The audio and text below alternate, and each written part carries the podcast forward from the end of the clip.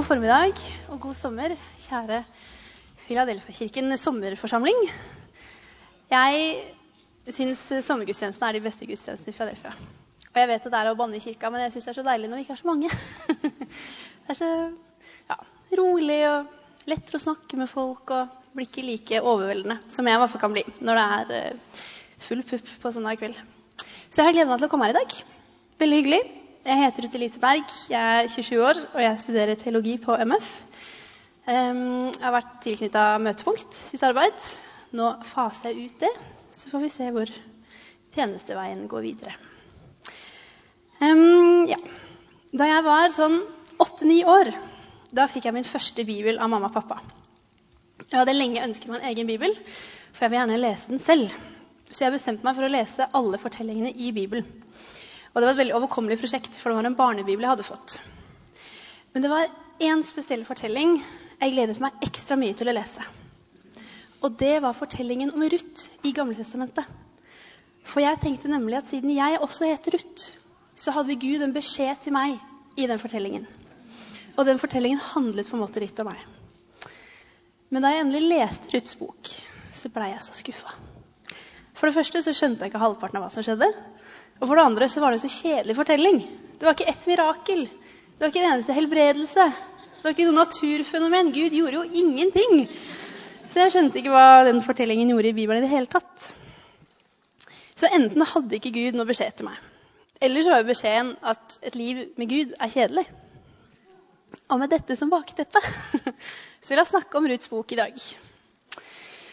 For er det noe vi kan eh, motta? Og er det noe vi kan lære om Gud, om livet og om oss selv fra Ruths bok? En bok i Bibelen som tilsynelatende ikke handler så mye om Gud, egentlig. Ruths bok er en fortelling om to damer som mister alt de har, og satser det lille de har igjen, på et nytt liv i Betlehem. Og som sentrale temaer så har vi trofasthet, lidelse og lure planer. Og jeg vil fokusere på de tre hovedpersonene vi møter i denne fortellingen. Og vi forteller fortellingen fra deres ulike synsvinkler. Den første vi møter på, er Nomi. Og så er det hennes svigerdatter Ruth. Og så Nomis fjerne slektning i Betlehem, Boas. Hva kan vi lære av disse tre? Og kan vi få øye på Gud i deres fortellinger? Vi starter med Nomi. Fortellingen om Noomi starter i en kaotisk tid. I landet som Gud hadde gitt, Israel. I byen som skulle være trygg, Betlehem. Og blant folket som Gud skulle passe på, jødene. Men vi møter Noomi mens hun er midt i livet, og livet hennes begynner å rakne. Hun er gift og har to sønner, og bedre stilt i et patriarkalsk samfunn kan man ikke stå. De bor i Betlehem, men landet er rammet av hungersnød og folket lider. Mannen til Noomi, eller Melek, tar med seg henne og de to sønnene til det uglesette nabolandet Moab. Ikke får de manna fra himmelen. Ikke får de noe trøstende ord fra noen profet. Dette kaoset her får de ordne opp i sjøl. Men flukten til Moab blir bare begynnelsen på en lang rekke slag i trynet for Noomi. For mannen hennes, eller Melek, dør. Sorgen er stor. Større enn vi skjønner. Men heldigvis så har hun to sønner som fortsatt kan passe på henne. Og hennes drøm om å videreføre familiens jødiske tradisjoner og tro går i knas når de to sønnene hennes gifter seg med moabittiske kvinner. Og drømmen om å videreføre slekten i det hele tatt står i fare for å bli knust, den òg. For Orpa og Ruth, hennes svigerdøtre, de blir ikke gravide. Men katastrofen blir komplett når begge sønnene hennes dør. En kvinne i et patriarkalsk samfunn kan ikke søke jobber, finne bolig, gifte seg eller noe annet knyttet til det å leve et selvstendig liv uten en mann. Har du ikke en pappa, så må du ha en ektemann. Har du ikke en ektemann, så må du ha sønner. Og er du en farløs enke uten sønner, da er du svært utsatt. Noomi har falt utenfor samfunnets ordninger for en kvinne og står igjen nesten helt uten rettsbeskyttelse. Men Noomi hører rykter om at Gud har gitt mat til Israel, og bestemmer seg for å dra hjem igjen. Orpa og Ruth, svigerdøtrene hennes, følger henne på veien.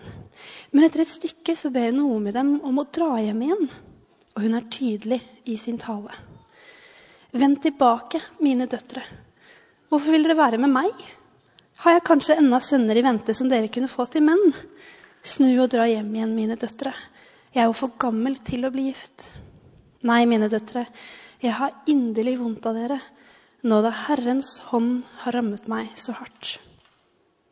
Noomi er uten håp. Hun møter ikke en engel som hun kan kjempe med, sånn som Jakob. Og hun har ikke noe løfte om at reisen skal bli verdt det, sånn som Abraham. Nei, Gud glimrer med sitt fravær. Likevel så ser Noomi Gud i kulissene, men den guden hun ser, er en gud som trakk ned sceneteppet, og livet hennes ble over. Orpa drar hjem igjen, men Ruth overrasker. Hun vil bli. Noomi forsøker så godt hun kan å overtale, men Ruth lar seg ikke rikke. Hun skal være med til Betlehem. De to damene ankommer Betlehem. Og Noomis tidligere nabokoner de roper etter henne. Men da svarer hun hardt. Kall meg ikke Noomi. Kall meg Mara. For den allmektige har gjort livet meget bittert for meg. Jeg var rik da jeg dro bort, men Herren har latt meg komme fattig tilbake. Hvorfor kaller dere meg Noomi når Herren har vitnet mot meg? Når Den allmektige har ført ulykke over meg? Noomi betyr lykkelig eller vakker, og Mara betyr bitter. Og dette ringer en bjelle. For det er en annen i Gamletestamentet som også klager over livets bitterhet. I Jobbs bok så leser vi hans klage. Så sant den allmektige lever, han som ikke lar meg få min rett, Gud som har gjort meg bitter. Nomi er den kvinnelige jobb som mister alt hun har, men likevel fortsatt er vendt mot Gud, dog med en klage. Men det nye livet i Betlehem er vel så hardt som det i Moab. Det virker som Nomi har gitt opp, for det er Ruth som tar initiativ til å finne mat for dem. Så Ruth drar til åker, drar til en åker for å sanke sammen det lille som er igjen etter at arbeiderne har vært der. Noen vi vet godt hvor lite mat det er snakk om. Og hun vet godt hvor farlig det er for Ruth. Men har de noe valg? Når arbeidsdagen er over og Ruth kommer hjem, så får Naomi seg en overraskelse. For Ruth kommer ikke hjem med en liten porsjon nok til å overleve til neste dag, men kommer hjem med nok til å holde den velfødde en god stund framover. Og når Ruth forteller at hun har vært i åkeren til en mann som heter Boas, da bryter Noomi ut Velsignet være Han av Herren som ikke har tatt sin miskunnhet bort fra verken de levende eller de døde. Hvem er det Noomi snakker om? Snakker hun om Boas, eller snakker hun om Gud? Kan Boas vise miskunnhet mot døde, eller kan det være snakk om begge? Og kan dette lille, hverdagslige øyeblikket av nok mat og et tilfeldig møte være nok være nok til å vekke troen til Noomi på en Gud som ikke har forlatt henne. Guds trofasthet er på ferde, og Noomi har fått øye på det. Mørket har gitt henne øyne som kan se det som lurer i skyggene. Og like lite som Noomi trodde på tilfeldigheter da ulykken rammet henne, så tror hun på tilfeldigheter nå da Ruth tilfeldigvis havnet i Boas sin åker. For Boas er en av de eneste menn i Betlehem som kan sørge for at de får et bedre liv. Med nytt håp så sender Noomi Ruth tilbake igjen. Og resten av høsten er de mette og trygge. Og med ny giv og energi så legger Noomi en plan for å sikre Ruths framtid. For Noomi vet godt at når høsten er over, vil de igjen være sultne, og Ruth igjen utsatt for overgrep og overfall. Deres eneste håp er å få Ruth gift. Boas han skal holde en fest for en vellykket høst. Og Noomi mener at Ruth skal gjøre sitt fremstøt den kvelden. Hun sier, 'I natt er Boas på treskeplassen. Du må vaske deg og salve deg og kle deg. Gå så ned til treskeplassen, men la ikke mannen få se deg før han er ferdig med å spise og drikke. Når han legger seg til å sove, må du merke deg stedet der han legger seg. Gå så bort og legg deg ved føttene hans, så vil han selv si deg hva du skal gjøre. En merkelig og risky plan, det her. Men hun har likevel tillit til at det skal gå. Morgenen etter så kommer Ruth hjem igjen med gode nyheter. Ja, Boas vil gifte seg med henne. Og overraskelsen Boas har sagt at han vil kjøpe den lille jordlappen Noomis slekt eide for lenge siden, og som vil sikre hennes økonomiske framtid. Og Fortellingen om Noomi avsluttes med et nydelig bilde av en gammel dame som holder en guttebaby i armene. Babyen er Obed, Ruth og Boas sin sønn. Og Ruth gjør Noomi til guttens fostermor. Nabokonene de ser på Noomi og gutten, og så sier de måtte denne sønnen bli navngjetende i Israel. Han skal gi deg ny kraft og sørge for deg i alderdommen. For din svigerdatter har født ham, hun som er så glad i deg, og som er mer for deg enn syv sønner. For Noomi kom til Betlehem og sa at hun var fattig. Nå kaller nabokona hennes rik. Men de kaller henne ikke rik fordi hun har fått en, en sønn, nei, unnskyld, et barnebarn. Nei, de kaller henne rik pga. Ruth. Men Ruth var jo der da Naomi kalte seg Mara. Naomi har visst vært rik hele tiden. Hun hadde ikke mistet alt. Alt var ikke bare kaos, for midt oppi alt så hadde Gud gitt et løfte og en trøst ved Ruth. Og jeg synes Noomis fortelling høres ut som en fortelling om en dame som Gud straffer, og ved egen klokskap klarer å endre situasjonen sin. Men ser vi nærmere etter, så oppdager vi en Gud i kulissene. Noomi så en pøbel som vandaliserte alt hun elsket. Men når lyset slås på etter siste akt, så ser vi en Gud som sendte henne en engel ved Ruth. Et løfte gjennom, Guds, gjennom Ruths trofasthet, en frelser gjennom Boas og en håpefull framtid gjennom Obed. Og et nydelig sitat sier en trist fortelling har ingen slutt. Men en trist fortelling kan være utgangspunktet for en ny begynnelse. Og Naomi ser verden gjennom tårer for resten av livet. Men det er også gjennom tårer hun oppdager Guds trofasthet i disse tilsynelatende tilfeldige møtene og hendelsene. Hun trodde Gud straffet henne, men Gud frelste henne. Og ut fra hennes lidelse og smerte så vokser det fram en begynnelse på en helt ny slekt. På samme måte som Nomi så møter vi Ruth mens Ruth er midt i livet. Hun er på livets høyde. Gift. Snart skal hun få barn. Forhåpentligvis. Framtiden er lys. Men etter ti års ekteskap får hun fortsatt ingen barn. Det er en katastrofe og en skilsmissegrunn for mannen. Men enda en ny katastrofe rammer ut. Svigerfaren hennes dør. Og så dør svogeren hennes. Og så dør mannen hennes. Hun er knyttet til sin manns familie og kan ikke forlate svigermoren sin om hun så ønsker det. Så når Noomi gir henne tillatelse til å dra hjem igjen og starte på nytt, så er det en gyllen mulighet. Men Ruth nekter. Du skal ikke overtale meg til å skille laget med deg og dra hjem igjen. For dit du går, vil jeg gå. Og der du bor, vil jeg bo. Ditt folk er mitt folk, og din Gud er min Gud. Der du dør, vil jeg dø, og der vil jeg begraves. Måtte Herren la meg gå det ille, både nå og siden, om noe annet enn døden skulle skille oss. Og Disse versene leses ofte opp i bryllup, og Ruths trofasthet er et forbilde for mange relasjoner. Men vi må ikke overse det helt store som har skjedd. Ruth har jo blitt frelst. Vi vet ikke helt når det skjedde, og vi vet ikke hvordan det skjedde. Men hun tror på Israels Gud som en moabit og legger seg under, under Guds dom og Guds autoritet. Og jeg syns det er veldig gøy at hennes bekjennelse kommer etter Noomis klage over Gud. Var det Noomis tro og liv som det luktet så godt av, som fristet Ruth til å nærme seg Gud? Var det Noomis allmektige Gud som tok imot både klage og lovsang, som fristet mer enn Moabs lunefulle guder? Og var det Noomis frimodighet overfor Gud som inspirerte Ruths like frie tilnærming til ham? Ruth hun gir Noomi og Gud et løfte. Hun binder seg til svigermoren sin og binder seg til Gud uansett hva som kommer. Løftet hun gir, blir ikke bare Noomis redning og Ruths nye vei. Men det blir også et løfte som bærer helt fram til vår frelse i dag. De to ankommer Betlehem. Og Noomi kommer hjem til kjente og kjære. Men Ruth kommer som en farløs og barnløs enke en innvandrer til og med. Der Noomi har et minimum av rettssikkerhet, har Ruth enda mindre. Hun er fritt vilt for hvem som helst som vil voldta, utnytte, kidnappe eller skade henne. Men Ruth er faktisk ikke motløs. Nei, Tvert imot. Det er Ruth som driver denne fortellingen fram. Det er hun som tar initiativene. Det er hun som tar valgene.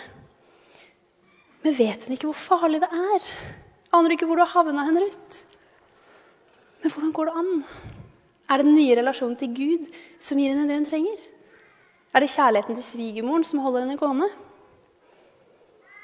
Men det aller første Ruth gjør, er det vi er så livredde for at våre nye landsmenn skal gjøre. Hun går rett til Nav. Israel hadde forordninger som skulle ivareta de fattigste og innvandrerne. Landeiere skulle f.eks. ikke høste absolutt alt de hadde på åkeren sin. De skulle la noe korn stå igjen på kantene. Hvis de mistet noe korn på bakken, skulle de ikke plukke det opp. Man skulle la de som trengte mat, få komme og sanke det som var igjen. Det var overhodet ikke nesten noen landeiere som fulgte denne regelen. I hvert fall ikke rett etter en hungersnød.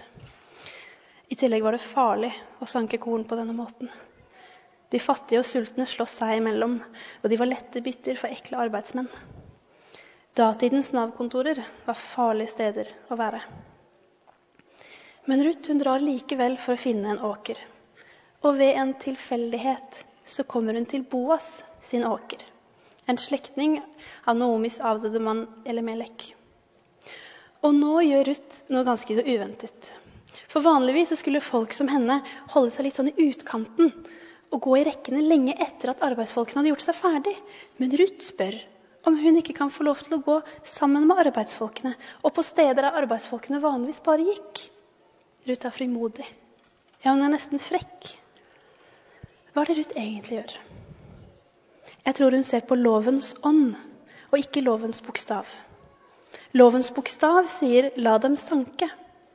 Lovens ånd sier 'mett dem'.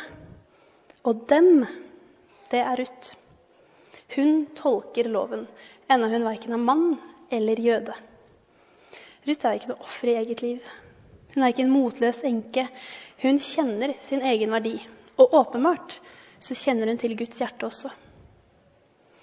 Landeieren selv, Boas, han kommer for å svare på Ruths forespørsel. Hør, min datter, gå ikke og sank aks på noen andre åkre. Ikke gå herfra, men hold deg til mine tjenestepiker. Jeg vil si ifra til karene at de ikke skal røre deg. Boas han gir henne mye mer enn det hun ber om. Ruth blir overrasket og lurer på hvorfor han er så snill mot henne. Og Da sier Boas at han har hørt om Ruths trofasthet, om deres vanskelige situasjon. Han sier, 'Måtte du få fullt vederlag fra Herren Israels Gud' når du nå er kommet til ham for å finne ly under hans vinger. Men hadde ikke Ruth bare gått til Boas for å få litt mat? Hva har Guds vinger med det her å gjøre? Nei. Vi finner ingen mirakler, og vi finner ingen under eller buldrende stemmer fra himmelen i denne fortellingen her. Men likevel så er det en fortelling om en Gud som er fullt til stede i sitt skaperverk. En så ordinær handling som å lete etter mat er å søke ly under Guds vinger. En så liten tilfeldighet som å havne hos en trygg person. Det er Guds trofaste vern. Når Ruth kommer hjem med den store fangsten, så forteller Noomi at Boas er deres løsningsmann. Og dette var enda en forordning for å ivareta de svakestes rettigheter i Israel. For hvis en mann var nødt til å selge landet sitt, så var hans nærmeste slektning forpliktet til å kjøpe det. Det var for å garantere at han ikke ville gå til grunne, og at hele slekter skulle bli utryddet. Elimeleks slekt hadde fortsatt noe land, og hans nærmeste slektninger var derfor løsningsmenn. De kunne løse ut eiendommen hans og sikre hans gjenlevende slekt økonomiske utsikter. Hadde dette vært en tegneserie, tror jeg vi nå hadde sett en sånn lysende lyspære over Ruth sitt hode. Aha! Hvis Boas kunne kjøpt Noomis land, da ville Noomi bli sikret. Men Noomi derimot, hun er mye mer opptatt av å sikre Ruth sin framtid. Så når denne festen på Treskeplassen nærmer seg, så innvis Ruth i Noomis planer. Og Ruth har klare instrukser. Legg deg ved føttene til Boas, vent til han våkner, og gjør det du får beskjed om. Ruth er imot. Hun bryter reglene på nytt. På nytt viser hun mot og handlekraft. Og litt kvinnelist. Hun legger seg ved Boas, venter til han våkner, ja, Men hun venter ikke på å få beskjed om hva hun skal gjøre.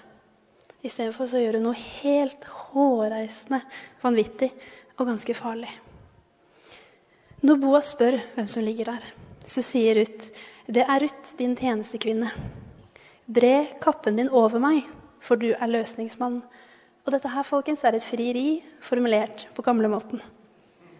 Ruth frir. I dag er det rart når en dame frir til en mann. Da var det nesten ulovlig. Ikke bare er hun en dame, men hun er en fremmed, hun er en moabit. Hun er ikke jøde, hun er fattig, hun er en snylter, hun er en naver. Og så kommer hun og frir til den rikeste mannen. Og ikke bare frir hun, men på nytt så tolker hun loven. For hun setter sammen to lover. Løsningsmannsloven, den jeg akkurat fortalt om, og en annen lov. Loven om at hvis en mann døde, så var hans blodslektning forpliktet til å gifte seg med hans enke. Nettopp for å sørge for at disse enkene ikke skulle gå til grunne. Men Boas han er, har ikke noe blodsbånd til Ruth. Han er Noomis løsningsmann, men han er ikke forpliktet til å gifte seg med Ruth. Men igjen så utfordrer Ruth Boas til å forholde seg til lovens ånd, ikke lovens bokstav. Og lovens ånd sier 'ta vare på mine minste små'. Et ekteskap med Ruth ville gi Noomi land tilbake. Det ville sikre Ruths framtid. Og skulle Ruth ved et mirakel få en sønn, så ville både Noomi og Ruth ha en trygg framtid. Boas han beundrer Ruth sin trofasthet, og han ser hjertet for Noomi. Men han forteller henne at det er en annen løsningsmann som har førsteretten på eiendommen. Boas lover at han skal gjøre det han kan for at eiendommen skal bli hans. Som vi vet, så gifter Ruth seg med Boas, og Gud lar henne bli gravid med ham. Hennes aller siste trofasthetshandling overfor Nomi er å legge Obed i armene til Nomi og erklære henne hans fostermor. Ruth lovet Nomi at hun skulle være trofast med henne resten av livet. Over alle muligheter så lever hun ut sitt løfte. Nettopp ved dette løftet så redder hun Naomi. Ruth blir dermed en frelserskikkelse. Gud frelser på de rareste måter. For hun er på en måte ingen. Hun har ikke rett til å være jøde. Hun har ikke rett til å tilhøre Gud, for hun er en moabit. Men Ruth velger lidelse for å gå sammen med Noomi og hjelpe henne. Ruth setter seg selv i fare for å redde Noomi. Kan dette minne oss om noen? Og når Ruth får barnebarn så er dette kong David. Og kong David igjen er Jesus sin stamfar. Ruths lille trofasthet mot Noomi blir store handlinger i Guds plan. Og et lite løfte spenner så mye videre enn det hun hadde trodd. Jeg blir oppmuntret av å se at Ruth tar grep om eget liv midt i all kaos. Og jeg blir enda mer oppmuntret av å se at Gud ikke krever en sånn tanketom og resignert overgivelse. Men han er stor nok til å lede oss, også når vi driver og leder oss selv. Og tenk, våre valg, store og små, kan bety noe i den store sammenhengen. Når vi, tillater, når vi tilhører Gud, så tillater vi at han kan gjøre noe med livene våre. Og gjøre noe mer med livene våre enn det vi selv klarer. Og så er det han Boas, da. Han er vår siste mann i dag. Første mann i dag, faktisk. Siste person i dag. Og vi kan si en god del om Boas, basert på de opplysningene vi får i fortellingen. En mann i Israel som eide eget land, stort nok til å ansette arbeidsfolk. Han var rik. Videre i fortellingen skal vi se at han er høyt respektert av de andre mennene i samfunnet. Og vi får også vite at han er en lovlydig jøde. Altså Boas er rik, mektig og from. Og sånne menn har fått det til å løpe kaldt nedover ryggen til mange damer opp gjennom historien.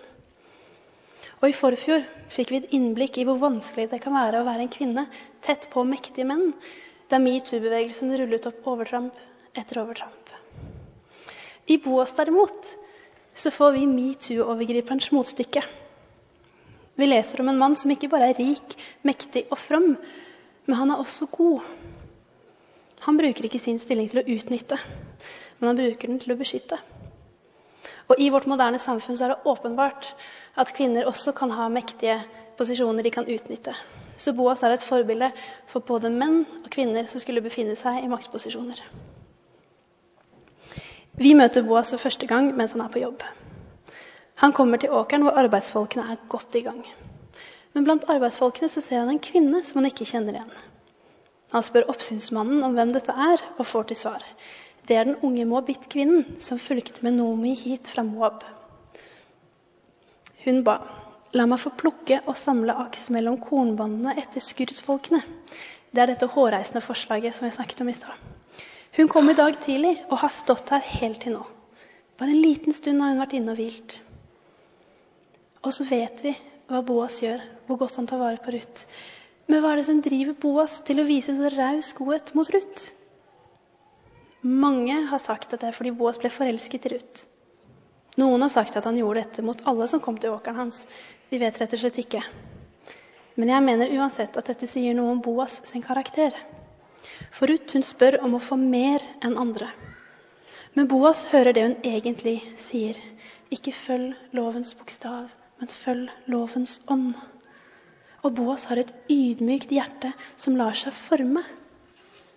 Boas vet nok ikke hva det vil si å gå sulten, men det gjør Ruth. Så det skulle bare mangle at Ruth vet best hva som er best for henne selv. Det er ikke kun Ruth som viser oss hva trofasthet er i denne fortellingen. I Boas ser vi en mann som er trofast mot sitt ansvar som en mektig jøde.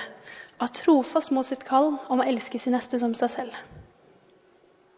Etter å ha gitt Ruth tillatelse til å sanke på åkeren hans, så ser han hvor hardt Ruth jobber. Når det er lunsjtider, så fortsetter Ruth å jobbe mens alle andre tar pause. Så Boas han roper til henne, 'Kom hit og spis av brødet, og dypp stykket ditt i vineddiken.' Ruth sitter seg stille ned ved ham. Jeg kan se for meg de blikkene arbeidsfolkene sendte Ruth. Sikkert sånne blikk som vi kan sende når det setter seg en som lukter vondt ved siden av oss på trikken. Så Ruth hun går raskt tilbake til arbeidet. Men for å være sikker på at arbeidsfolkene hans ikke finner på noe tull, så sier Boas til dem, la henne bare sanke mellom kornbandene også. Ikke gjøre henne noe ondt. Ja, dere skal dra aks ut av bandet og la dem ligge igjen, så hun kan plukke dem opp. Ingen må kjenne på henne. Han strekker seg så veldig langt. Nesten like langt som Ruth strekker seg for Noomi.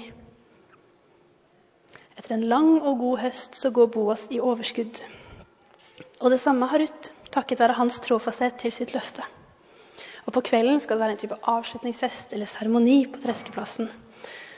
Og den kvelden så legger Boas seg sliten, mett og kanskje litt småfull. Men midt på natta så våkner han av at det er en eller annen som ikke skal være der nede ved føttene hans. Han skvetter. 'Hvem er du?' 'Det er Ruth, din tjenestekvinne.' Og så videre. Og, og vi vet at Ruth frir til Boas. Men igjen blir Boas utfordret på sin forståelse av Guds vilje. For det hun egentlig ber om, den egentlig ber om, er at han skal gifte seg med henne for å forsørge henne og Noomi. Få barn med henne, og dermed måtte dele arven sin med enda flere enn de barna han mest sannsynlig allerede har. Hun ber om at han skal kjøpe et lite landstykke for å redde Noomi. Og ikke minst sette sitt eget gode rykte på spill for å gifte seg med en moabit. I tillegg så ber Ruth Boas om å gjøre det Gud har gjort mot henne. Bre sine vinger slash kappe over henne. Forslaget vil koste penger, det vil koste anseelse, og det vil ikke minst koste tid. For å elske sin neste på en trygg avstand, det går greit. Men å elske sin neste når de neste plutselig skal være en del av hverdagen din, det er litt mer slitsomt. Hører Boas bare Ruth sin stemme, eller kan han høre en annen stemme også? En liten hvisken som ber ham om å se til de av Gud sine minste. En liten hvisken som ber ham om å legge ned sitt eget liv for å vinne det igjen. Men det er ikke så rett fram som Ruth og Nome vil ha det til. Boas er ikke Elimeleks nærmeste slektning. Det er en annen løsningsmann. Boas er snedig. Han legger en plan. Neste dag går han opp til byporten og setter seg der. Og byporten var dagens rådhus. Etter en stund så kommer denne mannen som han venter på. Og Boas ber han om å sette seg, og så kaller han sammen de ti rådsherrene i Betlehem. Dette sier noe om hvor mektig han var, når de faktisk gjør det de får beskjed om. Boas legger fram saken sin. Noomi har kommet tilbake fra Moab og vil selge jordstykket som tilhørte vår slektning Elimelek. Vil du kjøpe det? Hvis ikke, så gjør jeg det. Jeg tar det, konstaterer han, for dette her blir en god deal. Men så viser Boas at han ligner litt på Ruth når han tolker loven i nytt lys. Men når du kjøper Noomis jordstykke, så må du også gifte deg med svigerdatteren hennes, Ruth. Ifølge loven måtte ikke mannen dette i det hele tatt. Så løsningsmannen svarer nei, da kan jeg ikke løse. For i så fall så forringer jeg jo arven til mine egne barn. Løs det du, for jeg kan ikke. Og Boas erklærer for alle at han skal kjøpe noe om land og gifte seg med Ruth. Og nå kommer jo det spennende. Hva vil de si? Han skal gifte seg med moabitten Ruth. Måtte Herren la den kvinnen som nå kommer i ditt hus, bli som Rakel og Lea, de to som bygde Israels hus. De velsigner Boas, og de velsigner Ruth. Ja, de sidestiller moabitten Ruth med de store heltene fra gammelt av. Ruths trofaste kjærlighet og Boas sin rause godhet har ikke gått ubemerket hen. Boas gifter seg med Ruth. De får sønnen Obed. Og løsningsmannen Boas, Boas redder slekten, som til slutt gir Jesus, og blir løsningsmann for hele verden. Men så har vi en hovedperson til i den fortellingen. Og det var den hovedpersonen Ruth Elise, åtte år, ikke fikk øye på. Ja, det han er Gud, da. To ganger så sier Bibelen noe eksplisitt om Gud altså i denne fortellingen. Helt på begynnelsen, når det i en liten bisetning står at Gud har gitt Israel mat igjen. Og helt på slutten, når vi leser at Gud har latt barnløse Ruth få en sønn. Men Gud har gjort noe mer, har han ikke det? Hvis vi skulle fortelle våre livshistorier, er det mest sannsynlig få, om noen episoder, hvor Gud på spektakulært vis har grepet inn. Våre fortellinger ligner nok litt på Ruth sin. Tilfeldigheter, lure planer, hard jobbing og litt flaks. Og vi kan fortelle fortellingen om vårt liv akkurat sånn. Plutselig skjedde det, så valgte jeg det, og så møtte jeg dem, og nå er jeg her. Eller så kan vi fortelle en annen fortelling. En fortelling om en Gud midt i en ordinær hverdag. Vi får tegn på Guds trofasthet når vi har mat. Vi får tegn på Guds omsorg når vi møter gode mennesker. Og vi får tegn på Guds nåde når vi reddes fra livets kaos. Hvis det er én ting jeg tror vi kan ta med oss fra denne fortellingen, så er det nettopp dette. I det hverdagslige og i det kjedelige så virker Gud. Også når vi ikke får øye på det. I Noomi så ser vi en kvinne som mister alt hun elsker. Hun lider, og hun klager. Jesus han ble kalt en mann av smerte. En mann som sto uten rikdom og ære. I Ruth ser vi en kvinne som gir et løfte om å aldri slippe taket. Som velger å forlate sitt eget for å følge lidelsens vei. Som setter seg selv i fare for å redde den hun elsker, og som ser loven i et nytt lys. Jesus ga et løfte til Abraham om at han aldri ville forlate slekten hans. Han ga avkall på livet sitt hos sin pappa Gud for å gå lidelsens vei sammen med oss.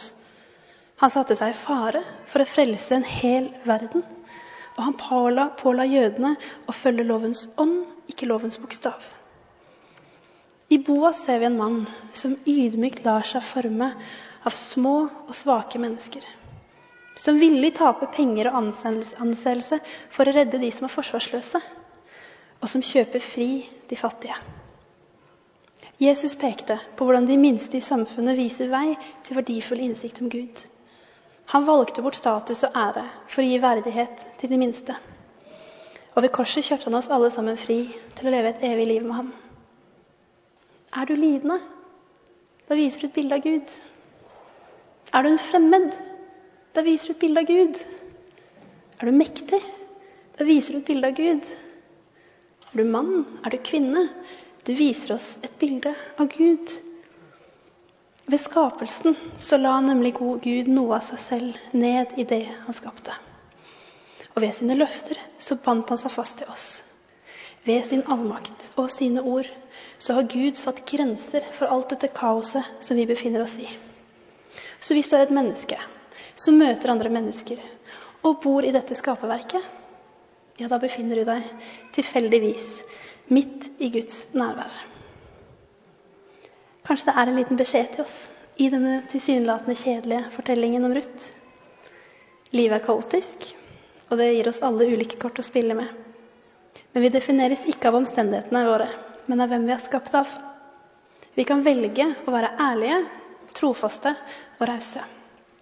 Vi kan med frimodighet nærme oss Gud og være med på selv å forme det livet vi lever. Og vi kan hvile i tryggheten på at Gud gjennom alt er med. Jeg vil avslutte med å be.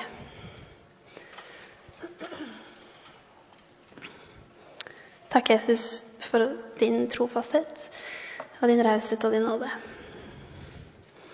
Og takk for at våre fortellinger ikke bare er våre fortellinger, men også fortellinger om deg. Jeg ber om at vi skal få øye på deg hos oss sjøl og hos andre. Kom inn over oss, Herre. Amen.